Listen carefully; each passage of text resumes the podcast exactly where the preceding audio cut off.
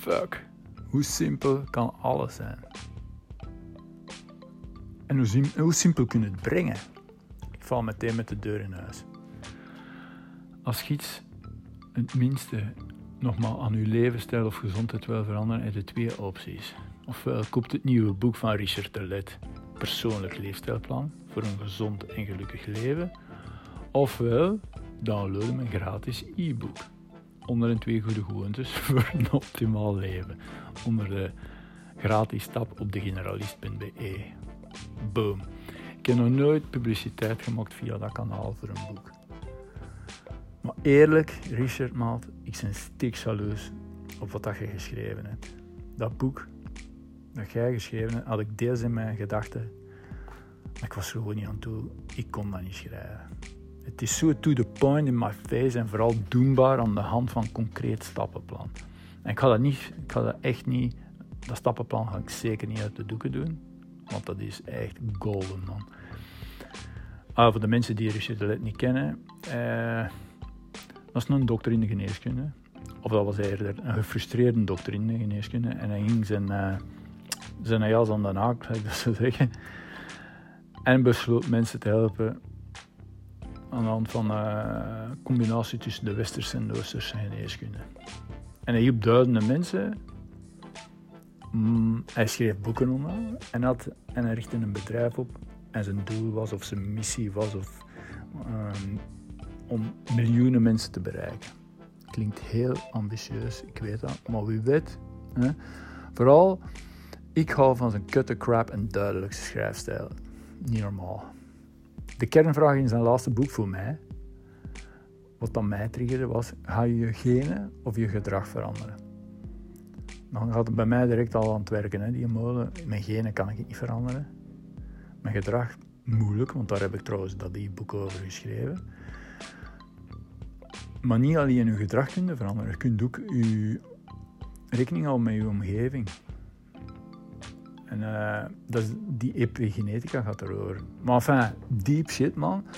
Maar hoe dat je die vraag, ga je genen of je gedrag veranderen, beantwoorden in je boek, dat is spot on. Hoe overleven mijn genen? De korte versie is op instinct, gut en oerbrein. Door, op vier manieren. Eén, door zoveel mogelijk te eten. Twee, uh, zo zuinig mogelijk om te gaan met energie, dus niet te bewegen. uh, drie, heel alert zijn voor gevaar. En vier, door te poepen. Voor planten. Die eerste drie zijn nadelig geworden in de huidige maatschappij. Gelukkig is dat ook nog een voordeel. uh, even dieper ingaan. Oh, wat een woordspeling. We eten te veel en te vaak. Dus, en voornamelijk zoet en, eh, en zout, want dat is onze voorkeur. Omdat natuurlijke suikers natuurlijk en mineralen nodig waren om te overleven. En dat is geen McFlurry, hè, natuurlijke suikers. We geven de prioriteit aan luiheid. Waarom? We moesten zuinig zijn met energie.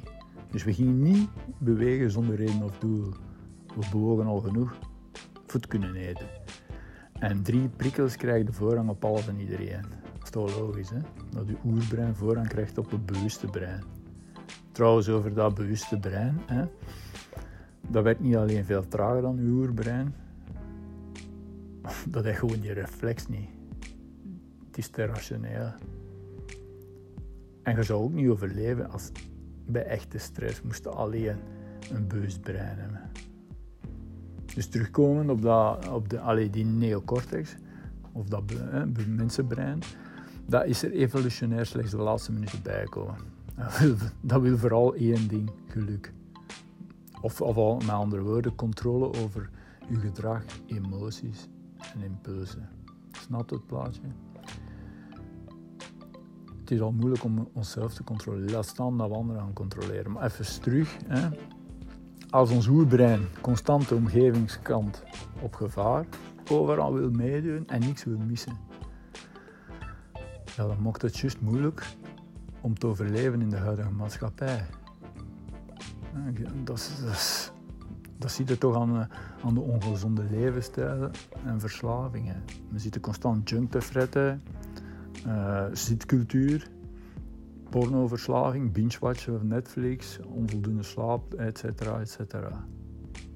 En toppunt van alles, wij ervaren dagelijks functioneren als een constante strijd. Alsof dat er echt een beer over je schouder zit mee te kijken of te tikken. Terwijl dat, dat niet echt stress is. Allee, we ervaren al stress. En oké, je krijgt veel triggers, maar dat is niet levensbedreigend als bekijkt. Plus on, onze neocortex, mensenbrein, zegt dan nog van dat je gelukkig moet zijn ook. Dus eigenlijk is het van uiterst belang om controle te krijgen over die emoties, gedragingen en impulsen. Want anders ja, speel, de speelbal blijven van dat oerbrein. Ik zei al eerder dat ik het stappenplan uit zijn boek niet ga verklaren. Maar ik kan wel vertellen dat Richard ervoor zorgt dat je met de juiste kennis voor bewustzijnsverandering of uh, gedragsverandering werkelijk die eerste stap gaat zetten. Opnieuw, ik heb dat al eens gezegd en ik zeg dat meer kennis wordt pas een vaardigheid als je handelt. Je zet niks met duizend boeken lezen als je er niks mee doet. Dus de vraag van vandaag is: wat is jouw excuus om de speelbal van je oerbrein te blijven? Maar je kwam er niet vlot uit. Dus wat is jouw excuus om de speelbal van je oerbrein te blijven? Peace out, bedankt voor het luisteren. A la proxima.